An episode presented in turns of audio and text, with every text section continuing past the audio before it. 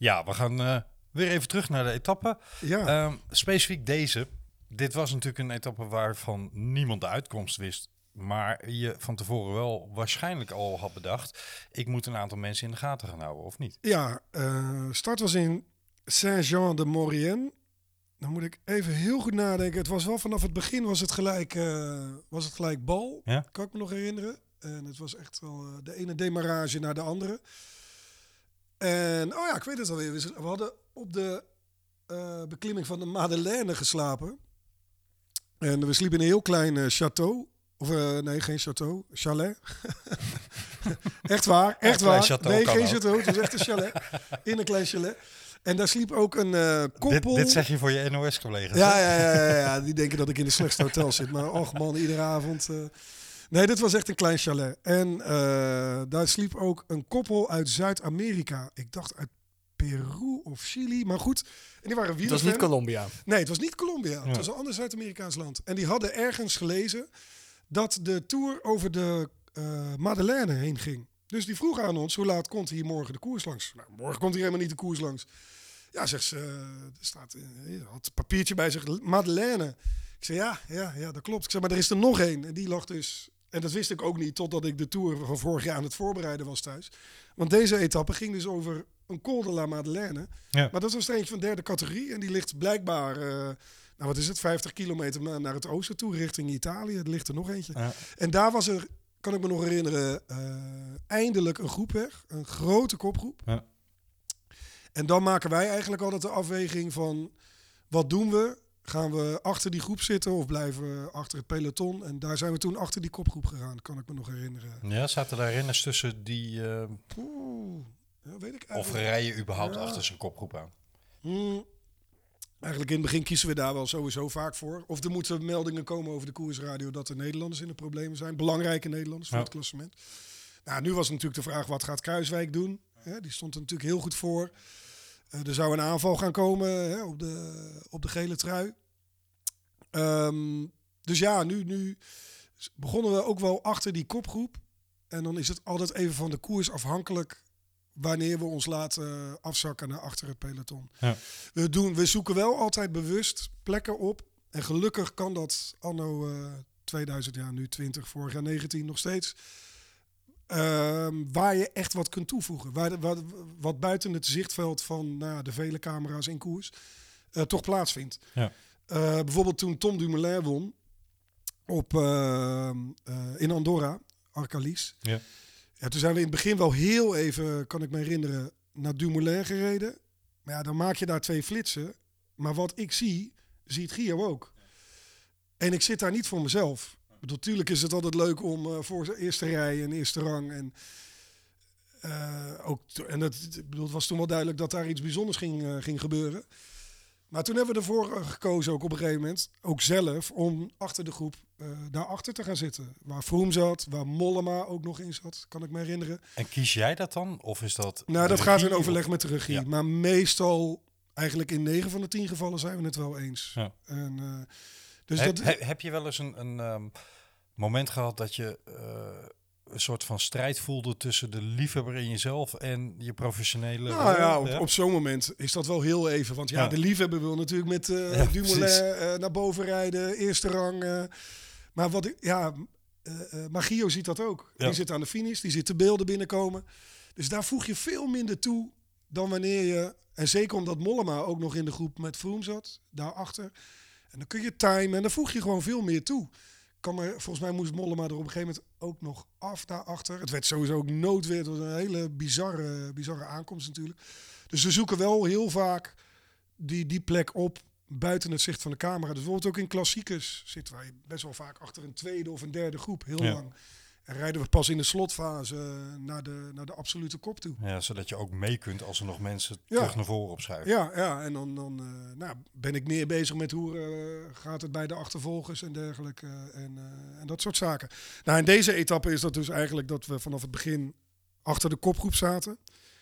En toen gingen we de, de Iseran op. En ik weet nog dat toen eigenlijk al wel de eerste berichten kwamen dat er aan de andere kant van de Iseran Toch al wel. eh, toch al, eh, nou ja, in ieder geval slecht weer op komst was. Ja. En dat er werd gewaarschuwd voor regen en voor onweer. Dus nou, dan ga je toch denken van, oké, dat, eh, dat kan nog wel wat worden. Ja. Nou, regenpak toch nog maar niet aangedaan. Tempo ging omhoog trouwens bij de achtervolgers. En toen kwam dan net voor de top kwam natuurlijk de aanval van, van Bernal. Ja, en op dat moment zaten wij allemaal handen wrijvend. Eh, nou, of op de boter of mijn collega's aan de finish. Want dat wil je natuurlijk het liefste. Dat Ja. er voor de, voor de laatste klim al wordt aangevallen.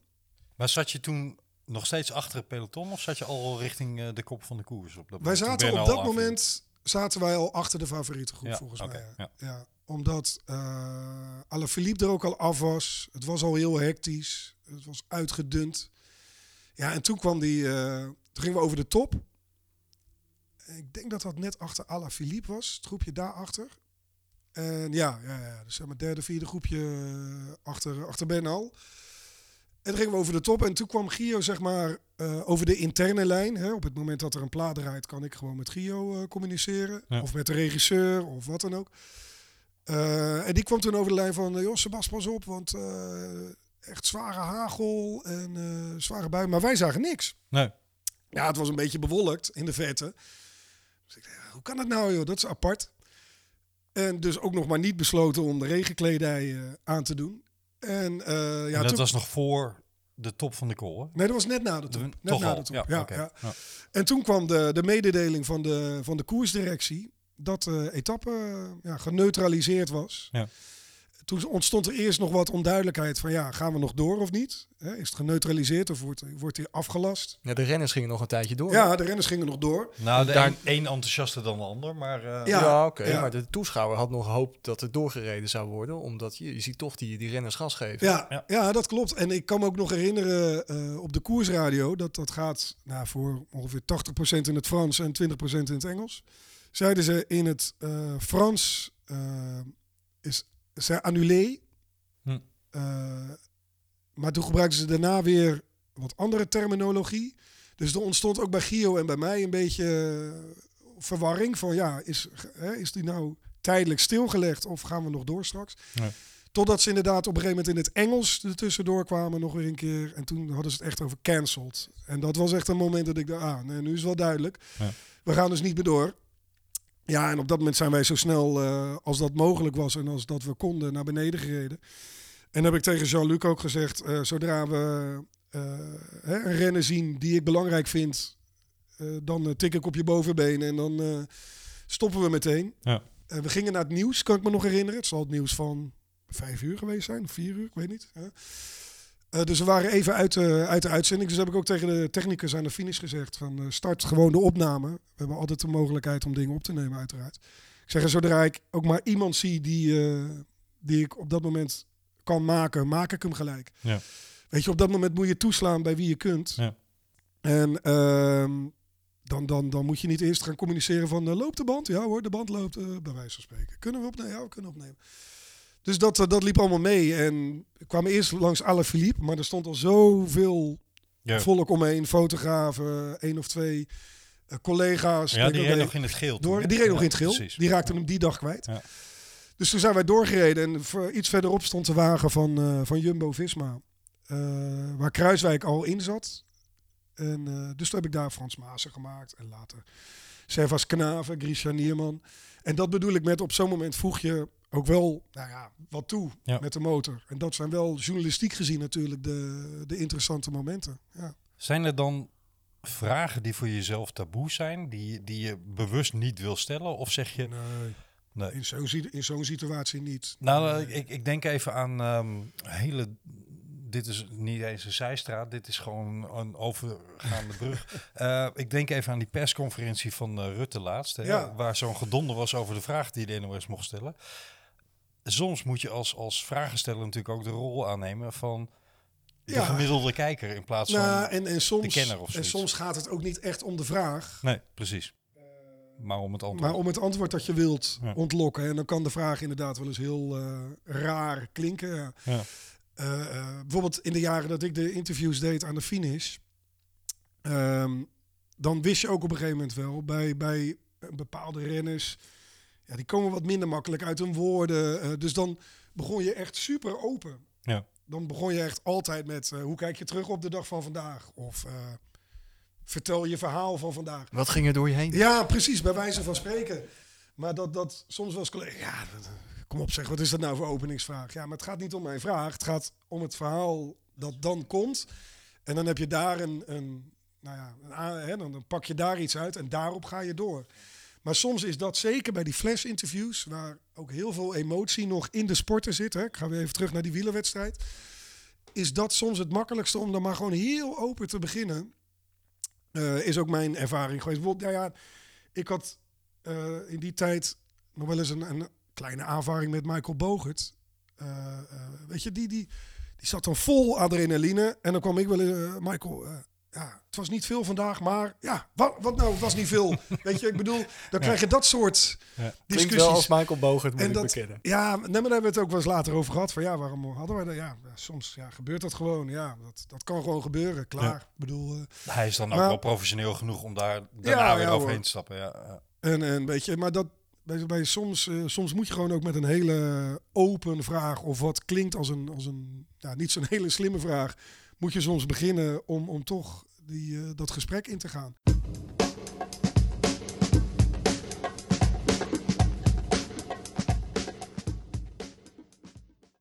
Heb Zeker je wel eens een moment gehad dat je, zo'n- dat je ik, ik noem dat altijd de Erik Breukink reactie op het overlijden van Cassatelli.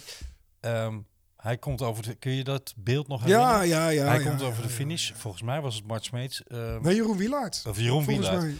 Die, die moet hem die vraag stellen. Ja, Hè, journalistiek gezien. ja. Je bent geen journalist als je het niet doet.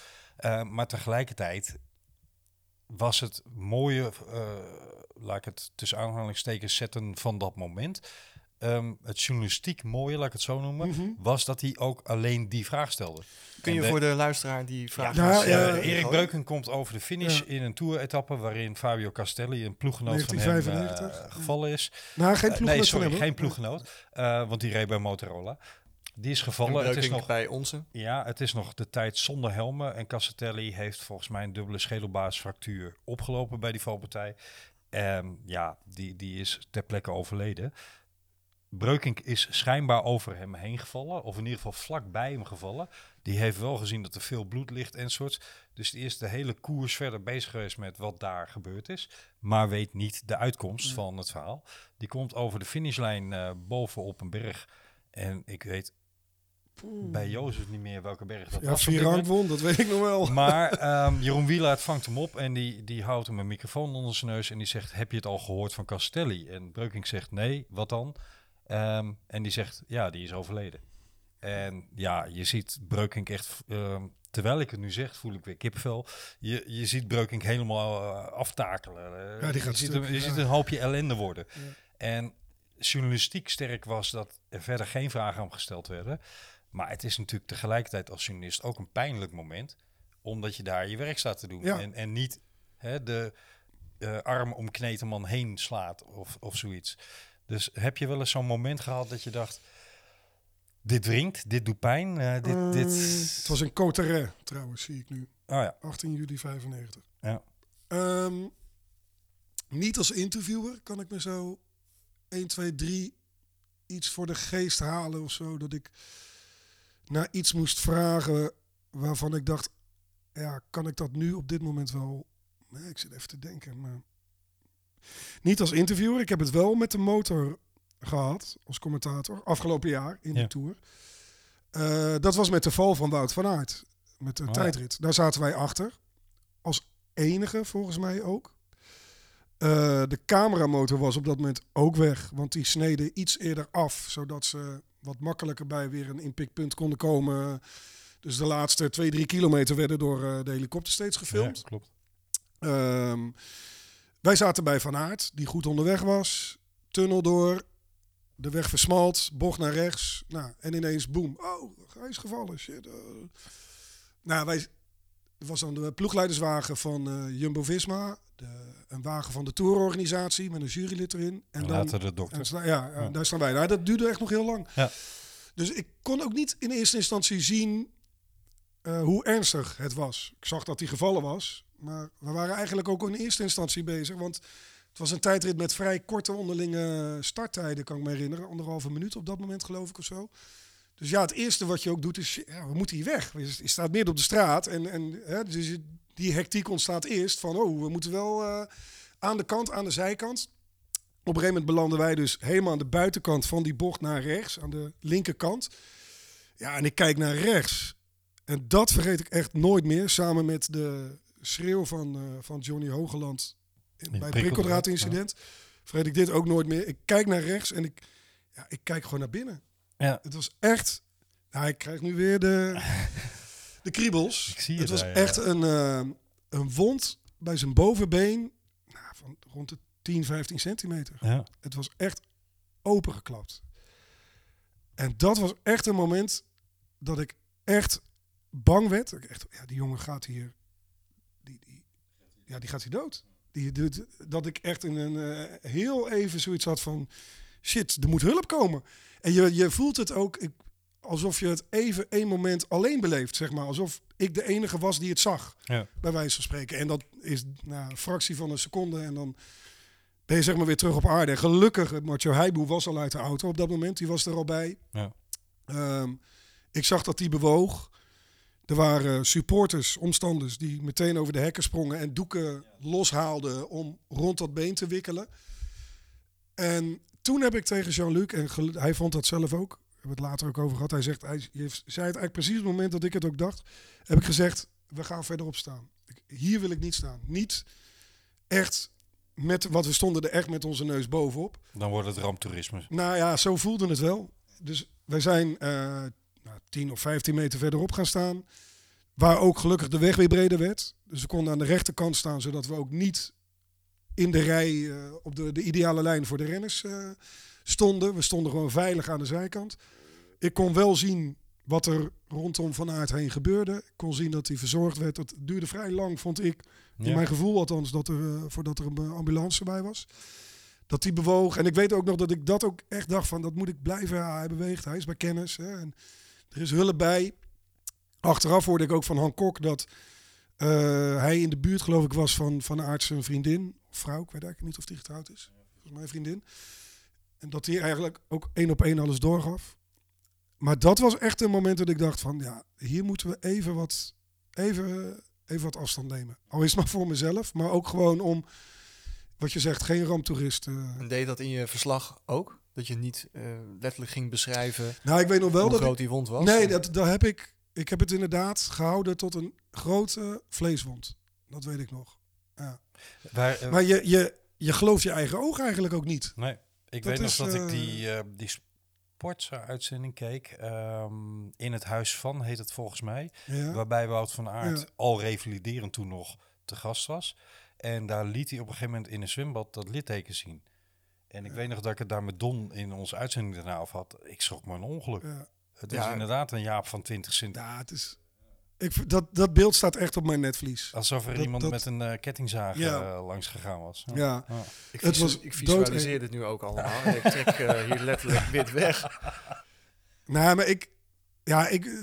En vooral ook wat ik net zei. Die, dat, die eerste paniekgedachte. Dat ik echt dacht van. Ja, dit gaat niet goed. Heb jij, ehm, denkend aan, aan ehm, die rol die je hebt als, als objectief toeschouwer namens de NOS voor ons allen en tegelijkertijd volop midden in de adrenaline van die koers zittend, heb je bijvoorbeeld in een, in een bergetappe bij een afdaling of zo wel eens valpartijen gezien waarvan je denkt, oh, eigenlijk moet ik hier nu stoppen en proberen of ik daar Eh, iemand... eh, Nou, eh, Gilbert is natuurlijk over de rand gegaan. Ja. Een paar jaar geleden. Is in het ravijn gevallen. Maar daar stonden er al heel veel bij op het moment dat wij passeerden. Wij zaten toen niet achter Gilbert. Wij zaten achter een tweede groep, geloof ik. Oké.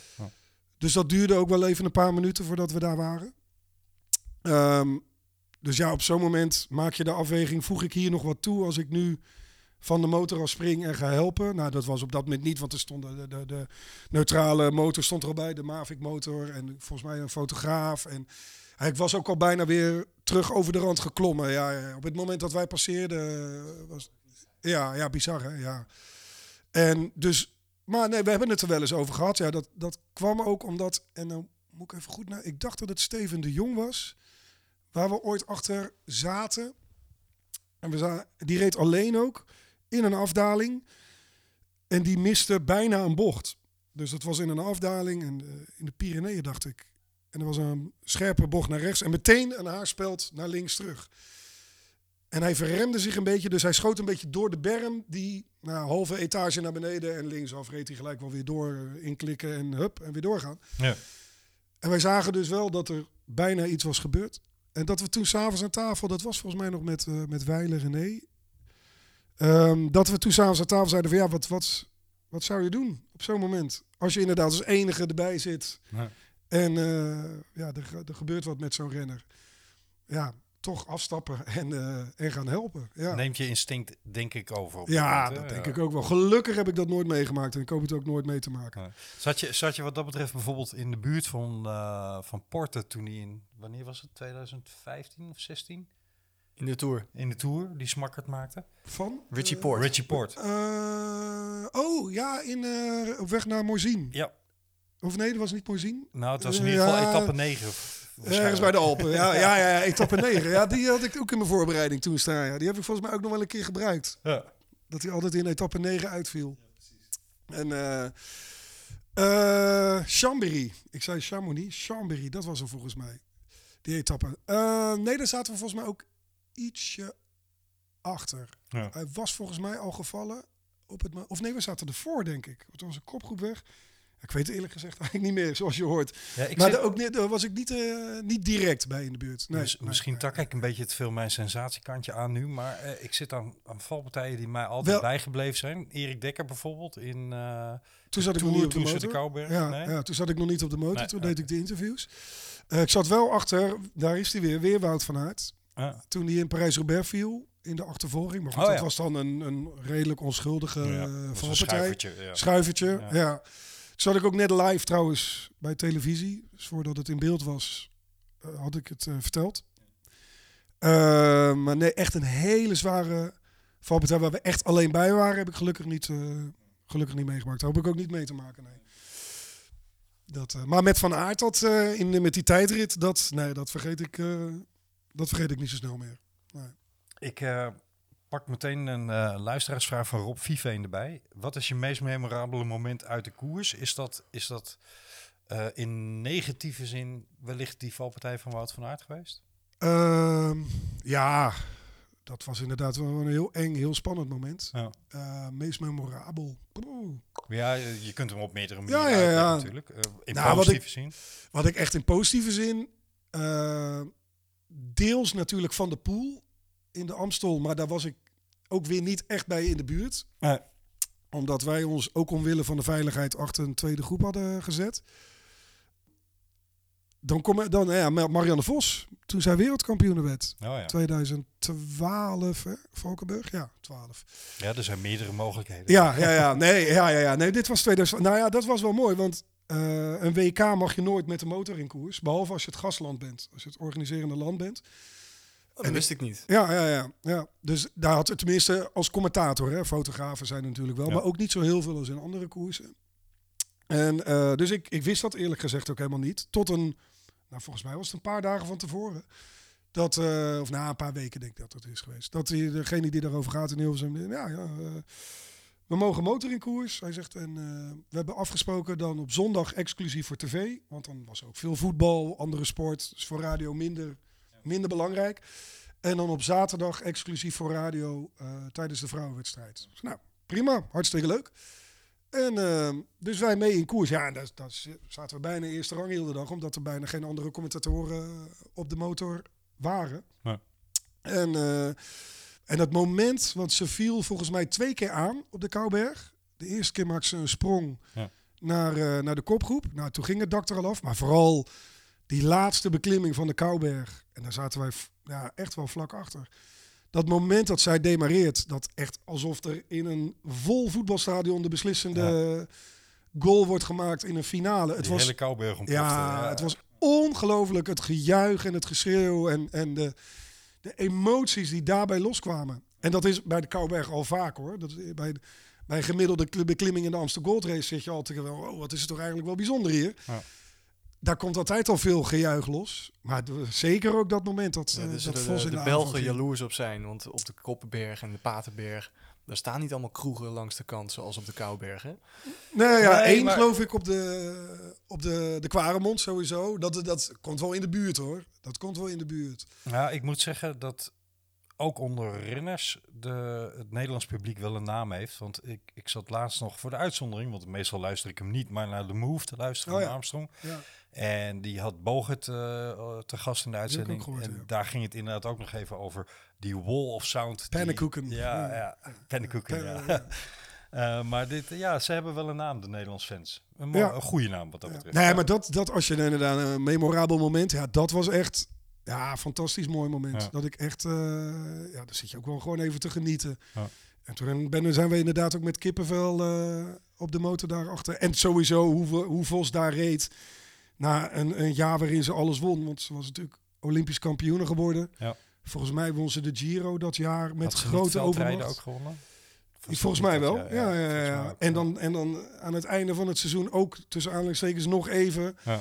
de wereldtitel in Valkenburg meepakken. Ja, dat was echt een, eh, dat was een van de mooiste, ja, echt sowieso een van de mooiste dagen op de motor. Ja.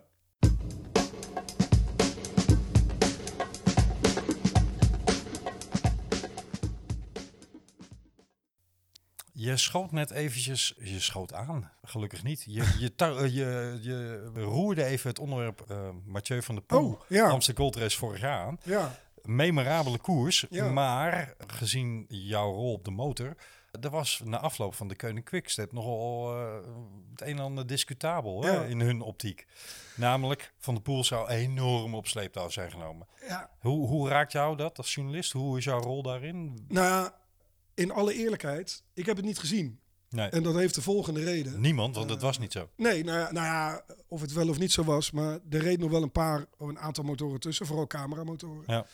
Alleen, eh, ik weet nog wel dat ik naar huis reed met een beetje gemengde gevoelens. Ja, hebben we het nou goed gedaan of niet? Want wij zitten achter Van de Poel. Ja.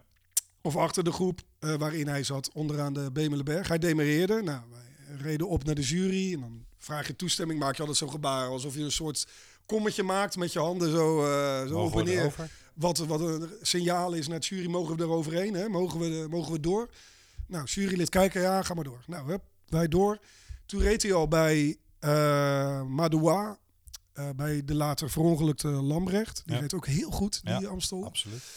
Dan kom je boven op de Bemelenberg en dan heb je eerst dat brede stuk, recht, rechtdoor, langs die camping is het geloof ik, links. Dat grote, mooie, statige witte pand wat daar, eh, wat daar staat. Ja. En eh, daar kwam het volgende groepje in zicht, waar eh, Mollema in zat. Alleen, ik keek om en de, de Amstel, die finale, is natuurlijk een paar jaar geleden veranderd. Dat is smal Ja. geworden, daar, je gaat daar naar beneden. Ja. Eigenlijk raak je bijna de finish aan, alleen je zit wat lager. En dan gaan ze rechtsaf, heel smal weggetje terug omhoog. Ja. En ehm, in de Amstel is er wel een regulateur, maar in de tegenstelling tot de Tour zijn dat er niet drie, maar is dat er één. Hmm. En die reed daar niet op dat moment, want die zat bij de kop. Ja. Frank Hosten. Dus wij moesten zelf die afweging maken. Frank Ja, Hossen. ja, ja, Ah, ja, die is ook regulateur. Ja, die doet de Ronde van Vlaanderen, doet Gent-Wevelgem en doet de Amsterdam de. Amstel. Ja. Oh, oké. En eh, dus wij zaten daar alleen. Ja, dan moet je je eigen afwegingen maken. En tuurlijk wil je heel graag er blijven zitten. Maar Ja. ik keek eigenlijk ter hoogte van het witte pand achterom. En daar kwam de groep waar Robert Geesink onder andere in zat, kwam terug. En die reden daar echt maar op, op 10 seconden. Ja. Ik denk, ja, shit.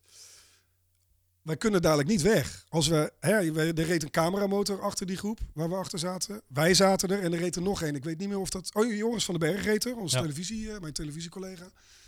Dus het was daar best wel druk. Ik denk, dit gaat niet goed. Nee. Ik denk, als, als die groep terugkomt, dan wordt het echt moeilijk om weg te geraken. Er zit nog een hele lastige bocht naar rechts in. Het gaat naar beneden, tussen wat huizen door. Dus toen heb ik in een split second de, de beslissing genomen om tegen Jean-Luc, mijn Waalse motaar met wie ik ook in de Amstel rijd, te roepen, ons arret, we stoppen. Dus in die bocht linksaf, dat, dat smalle gedeelte op, zijn wij rechts gaan staan uit de, de rij, eh, uit de ideale lijn. Ja. Nou, die groep Geesink laten passeren en daar weer achter aangesloten. Toen heb ik dan nog wel op dat eerste gedeelte die vlakte eroverheen kunnen kijken. Nou, dan zag je ze in de verte rijden. Toen reed Van der Poel nog in die groep met Mollema overigens. Of nee, nog achter Mollema, want die zat daar nog voor. Ja, dat was een duo daarvoor Ja, nog. ja, ja. En, maar ja, dan kom je tussen de huizen en het, tussen de, de wat meer bebossing. Dus dat heb ik ook niet meer gezien. Nee. Dus ik heb daar ook nog één of twee flitsen gemaakt. Toen heb ik op een gegeven moment ook tegen de regisseur gezegd... laat Gio het maar afmaken. Want die, ik zeg, de koplopers moeten al bijna in de laatste twee kilometer zitten. En op het moment dat wij weer het brede stuk opkwamen... toen reed de kopgroep al in de laatste kilometer. En, eh, dus toen ben ik ook niet meer... Dus het was voor Van der Poel heel gaaf en allemaal heel mooi. En het was ook natuurlijk geweldig wat hij deed. Alleen die laatste drie kilometer heb ik bijna niks meer van gezien. En dan, Dus jij hebt dat puur op het commentaar van, van Gio Lippens Ja. eh, ja? En eh, toen zat ik wel in de auto terug van ja, shit, hadden we toch niet bij Van der Poel moeten blijven. Maar ja, ik weet zeker, ik weet zeker dat dat echt link was geweest. Ja, want je echt- maakte de afweging om te stoppen uit veiligheidsoptiek, zeg Ja. maar. Eh, ja, Ja, ik maakte echt de afweging van nou, dit, als die groep met Geesink terugkomt. daar en dat had zomaar gekund, want het was echt maar 10 of 15 seconden. Hè, en hoe meer motoren ertussen zitten, hoe meer richtpunten, hoe meer zuiging, noem maar op. Ja. Ik denk, ja, ik wil het niet over mijn hart, eh, of ik, wil, ik kan het niet maken op je geweten om hier te, hebben. op mijn geweten hebben, daar zocht ik naar. Dat ik, dat ik echt die koers beïnvloed. Ik denk, nee, weg hier, stoppen en erachter. En dat heb ik later ook met de regisseur van die uitzending besproken. En die zei ook van, joh, nee, dat, eh, dat is een hele logische keuze. Ja, Thijs Zonneveld heeft volgens mij een dag of wat later een reconstructie gemaakt met, met ik meen, de laatste 10 kilometer aan beelden enzovoorts. En daar, daar zie je gewoon dat het verhaal van de koning onzin was. Er zaten niet constant motoren voor. Er zat bijna elke keer een cameramotor achter die Ja. groep in plaats van ervoor. Ehm, dus ja, dat, maar de- zo, mijn Ja, vraag en was die- inderdaad op die rol. Precies, gericht, ja, hè, ja. van- En die discussie is natuurlijk wel vaker. Hè, van, van, moet de cameramotor erachter of ervoor? Eh, nou, bij een peloton kan het niet anders, dan moeten ze ervoor. Ja. Nou, daar rijden ze, wat is het, vij- 50 meter geloof ik, zo'n beetje standaard. Tenminste, dat is een soort eh, ongeschreven wet. Eh, bij een kopgroep, ja, daar varieert dat, ja.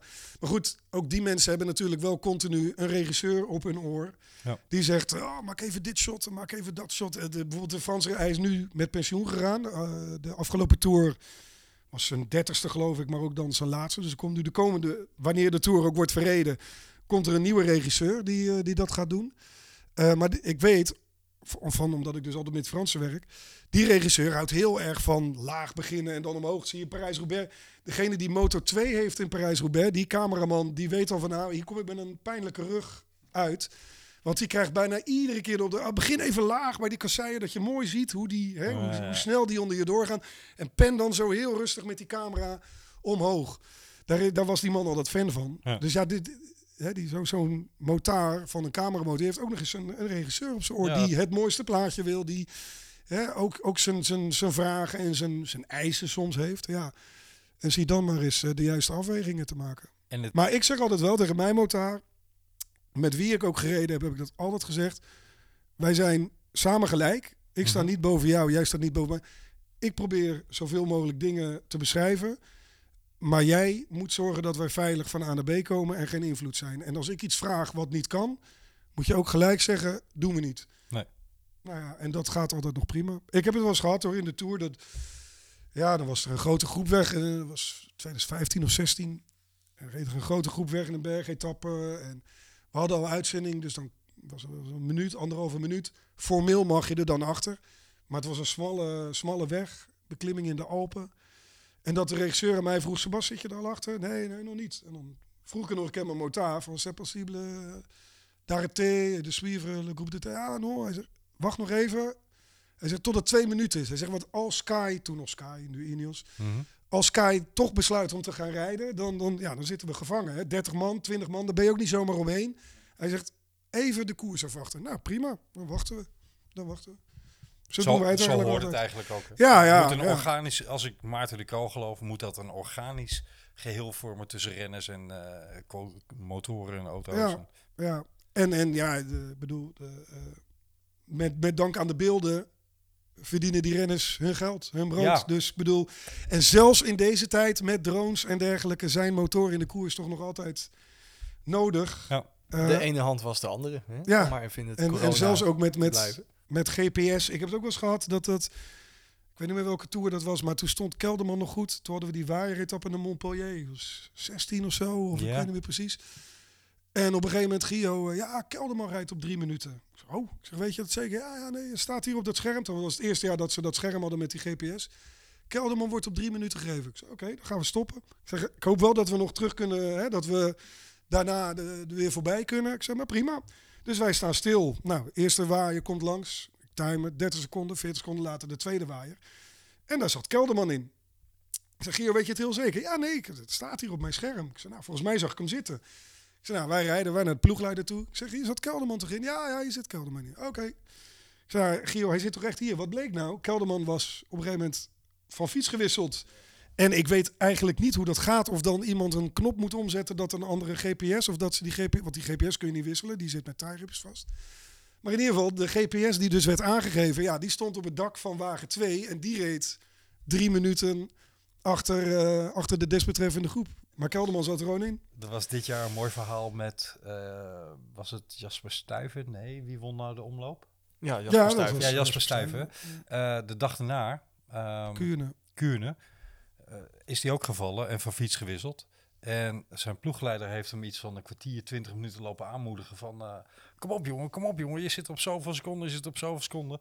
Totdat ze uiteindelijk zelf door hadden dat de chip die zij volgden bovenop Oh, hun dak stond. Ja, Want hij zat op die andere fiets. Heeft zich de ballen uit zijn broek gereden. Op aanwijzing van zijn ploegleider. Die dacht, hé, hey, dat Ja. gat wordt maar niet kleiner. Nou ja, en zelfs dus, zelfs in deze tijd ja, is het, en dat is voor mij eh, op, die, op die motor voor die rol wel zo fijn, Ja. voeg je er gewoon nog steeds wat toe. Ja. En dat, eh, je, Ja, hoe, dat, hoe- eh, lang dat- wil je dit nog blijven doen?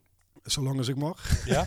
ja, nou ja, ja of, of als je echt een keer bang wordt of zo, gelukkig ben ik dat niet. Nee.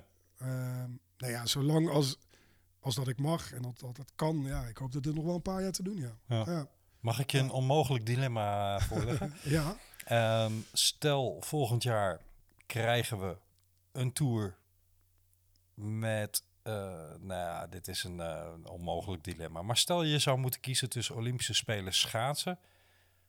of ehm, Olympische Spelen wielrennen. Oh, twee keer spelen. Dus de, los ja, van de toer. dat het het onmogelijk, maar dat Mhm. het tegelijkertijd plaatsvindt. Je moet een keuze maken tussen één van die. Oeh, dan zou ik wel voor de zomerspelen gaan. Ja? Ja. Maar- ja. Vanwege Ja, de groot, de schaal ja. ervan. De schalen van, en zeker ook gezien de huidige vorm van de, de Nederlandse baanwielrenners. Ja. Eh, nee, dan zou ik toch wel kiezen voor, eh, voor de zomerspelen. Ja, Begrijpelijk. ja. Ja. Geen motor. Nee. Ik vond het een prachtige uitzending, Don. Heb jij nog... eh, Eh, hadden we de etappe volledig afgemaakt? Ja, we waren Nou ja, bij de die werd niet afgemaakt. ja, nee, die werd niet afgemaakt. We stonden daar beneden. Eigenlijk heel eh, symbolisch. Ons verslag eindigt net zo als de etappe. We stonden Inderdaad. beneden bij een, bij een benzinepomp, weet ik nog. En daar stond iedereen elkaar aan te kijken, wat nu? En op een gegeven moment vroeg Server, want ik had volgens mij Servers Knaven ook geïnterviewd.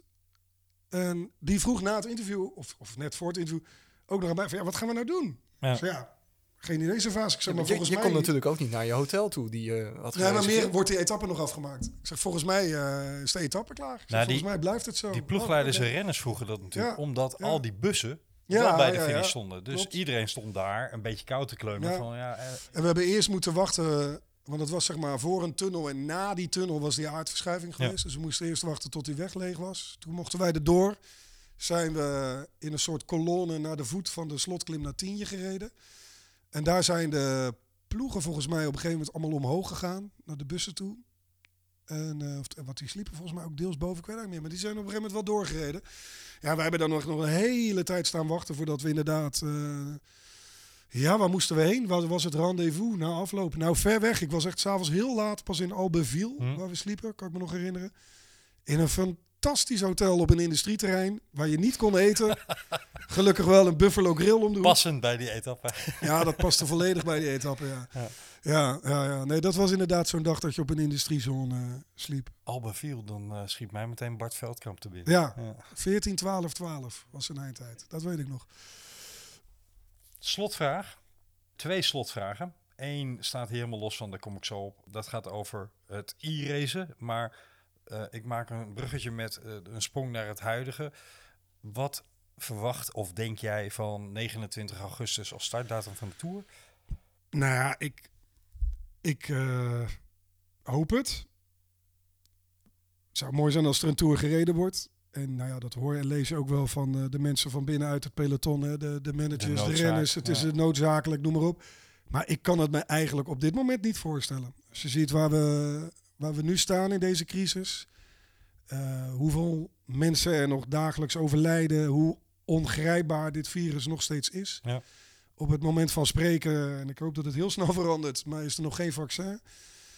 Ehm, ik kan me eerlijk gezegd niet voorstellen dat we tegen die tijd vrij kunnen reizen tussen aanhalingstekens. Dus, en stel dat gaat door, maar er is dan geen publiek.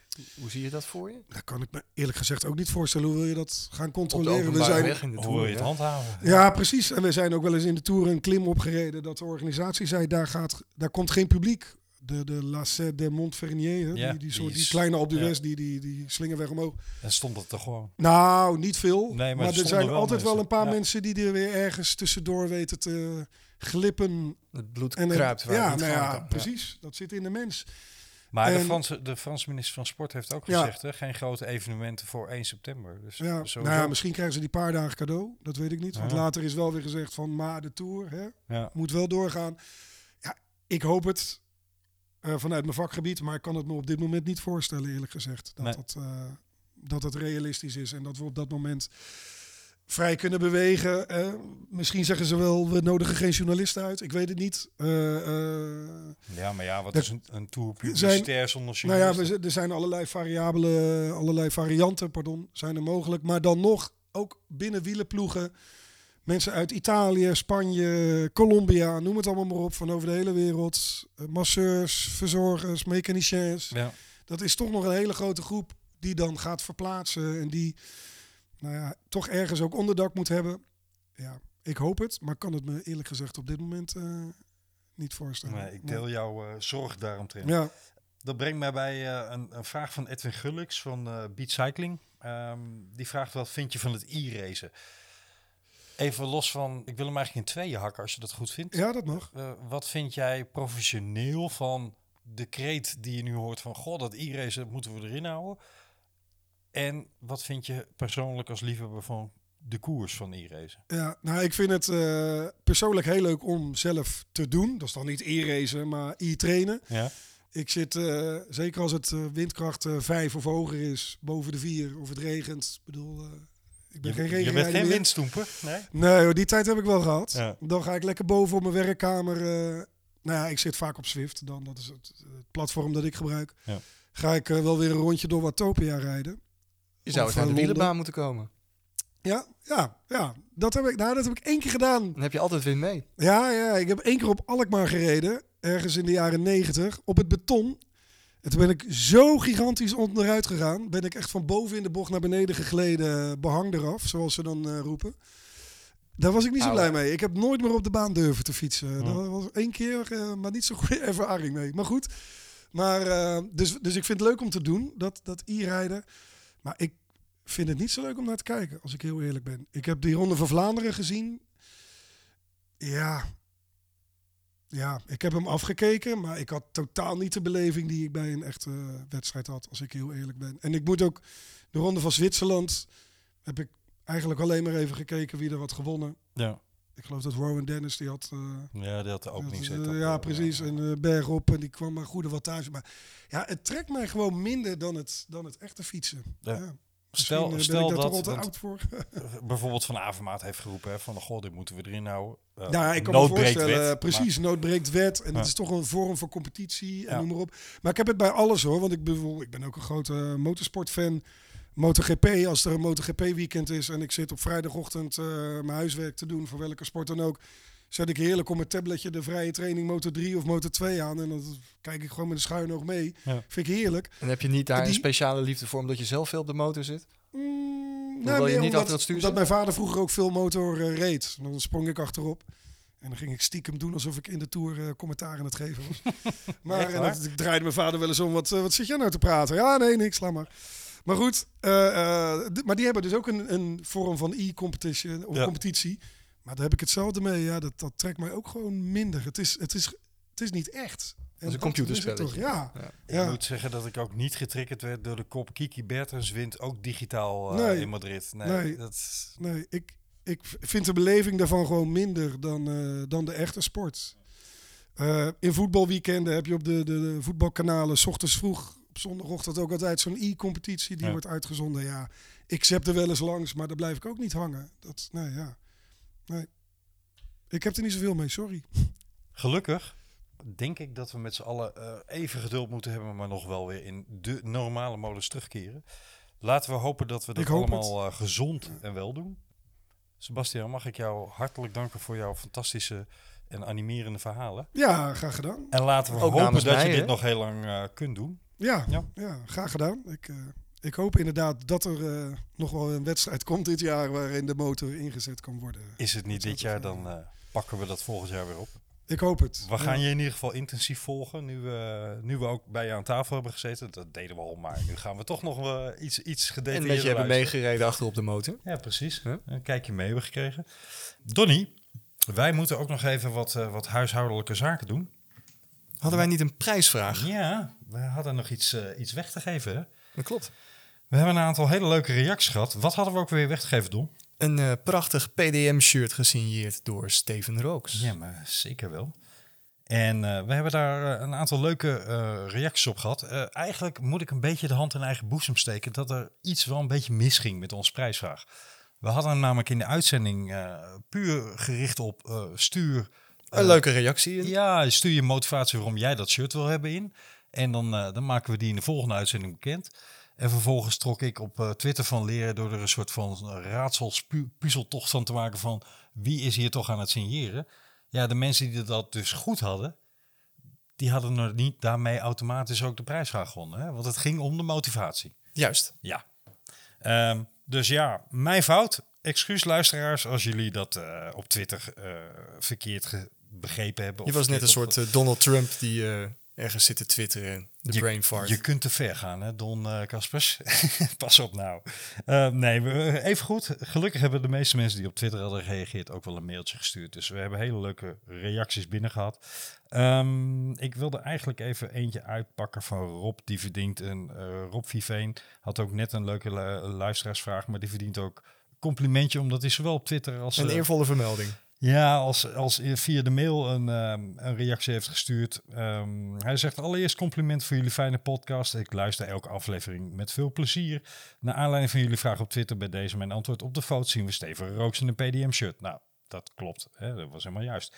Ik zou het shirt heel graag willen winnen, zodat ik het een mooi plekje in mijn sportkamer kan geven bij mijn gesigneerde startnummers van verschillende renners.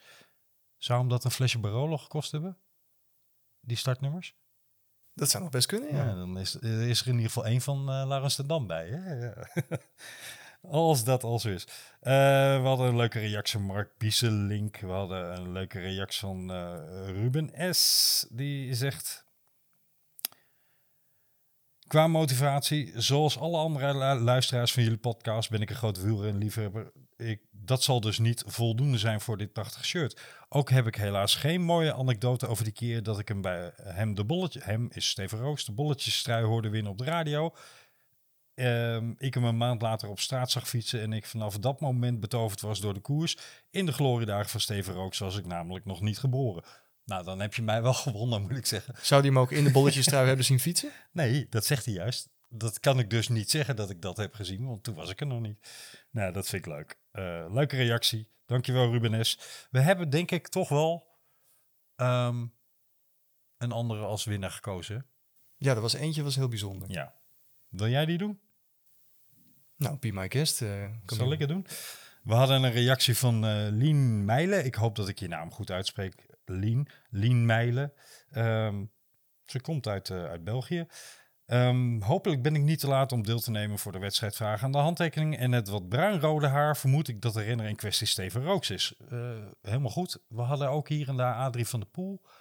Um, hoewel daar ook wel een reactie bij kwam. Maar dan had dat een Nederlands kampioenentrui moeten zijn. Want het was natuurlijk gerelateerd aan winst in Luik-Bastenaken. Uh, uh, zij zegt, vermoed ik dat de renner in kwestie Steven Rooks is... die zijn van PDM Gomo Tapes handtekent. Hopelijk ga ik hier niet helemaal de mist in. Nee hoor, dat was helemaal juist. Het is natuurlijk een renner met heel wat mooie resultaten... maar als jongere wielerfan vind ik deze in Luik-Bastenaken-Luik wel een opmerkelijke... En vervolgens vertelt zij een prachtig verhaal... dat ze op vele volleys in Kortrijk een mooie prijs gewonnen had, um, dankzij Oliver Nase en Mavic. En dat ze de koers mocht volgen uh, in een VIP-auto. De koers is dan Luik-Bastenaken-Luik. En dat ze zich daar al maanden op aan het verheugen was. Maar dat dat helaas niet doorging vanwege corona. En ze zegt, daarom loop ik dus ook wel enigszins chagrijniger dan normaal eh, rond. En zou die trui van Steven Rooks misschien een schrale troost zijn, omdat die gerelateerd is aan Luik. Ja, dus waar ze de ene prijs kwijtraakt, Precies. heeft ze die hierbij toch weer eentje gewonnen. Exact. Want dat is onze motivatie. Lien Meijlen, als je dit hoort, stuur even een e-mail naar velevillipodcast.gmail.com met je adres. En dan gaan wij zorgen dat dat eh, shirt bij jou thuis komt. Gefeliciteerd. Ook namens mij. Ja. Don, we zijn er wat mij betreft doorheen. We hebben even geen nieuwe prijsvraag dit keer. We hebben wel eh, binnenkort weer... Nee, we hebben geen gesigneerd eh, shirt van eh, Sebastiaan. nee, misschien kunnen we na afloop nog iets, iets bedenken. Ehm, maar we gaan binnenkort ook weer met een andere uitzending komen. En dat horen jullie snel. Wil je dat blijven volgen? Welke verrassende gasten we dan hebben? Abonneer je dan even op de Veleville podcast. Dat kan eh, via Spotify, dat kan via iTunes, dat kan op Apple Podcast. Waar je je ook kan abonneren. abonneren. of hou de Twitter in de gaten.